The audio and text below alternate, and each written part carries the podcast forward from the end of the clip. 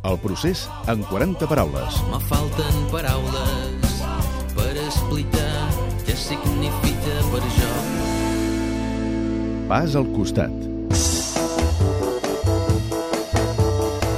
Pas al costat és l'expressió que va fer servir i va fer famosa Artur Mas per anunciar el que, per entendre'ns, seria no faig un pas enrere, sinó al costat, perquè marxo a contracor.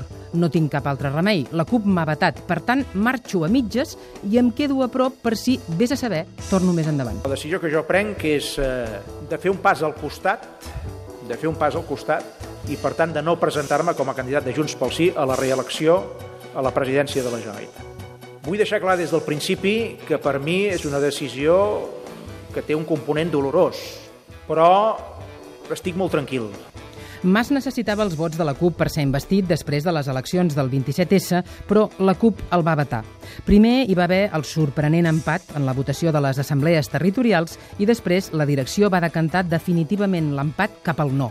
Mas s'ha convertit en la víctima política amb més galons de tot el procés. La CUP va voler que quedés ben clar que era obra seva quan Benet Salelles ho va anunciar amb aquest grandiloquent Hem enviat a Mas a la paperera de la història des de la CUP Crida Constituent hem enviat Felip Puig, Boi Ruiz i Irene Rigau a la paperera de la història i que ningú li cabi cap dubte que continuarem enviant a la paperera de la història a tots els governs que pretenguin aplicar mesures antisocials.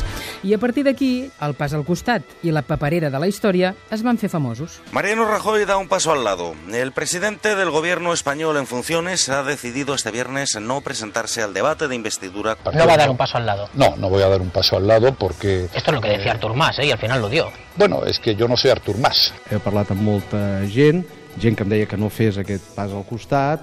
Pues que dé un paso al lado y nos deje a los que sí que queremos cambiar España poder canviar-la. I l'expressió d'enviar les coses a la paperera ha fet forat perquè després, per exemple, el govern de Junts pel Sí la feia servir per convèncer justament la CUP que aprovés els pressupostos de Puigdemont. No ho entendria ningú que es llancessin a, a la paperera de la història, no? És una, una frase que s'ha dit uh, sovint, doncs les millores laborals en el professorat que s'inclouen, o la dotació de renda garantida, i Puigdemont l'ha fet servir també deixant veure que li va coure el veto de la CUP a Mas.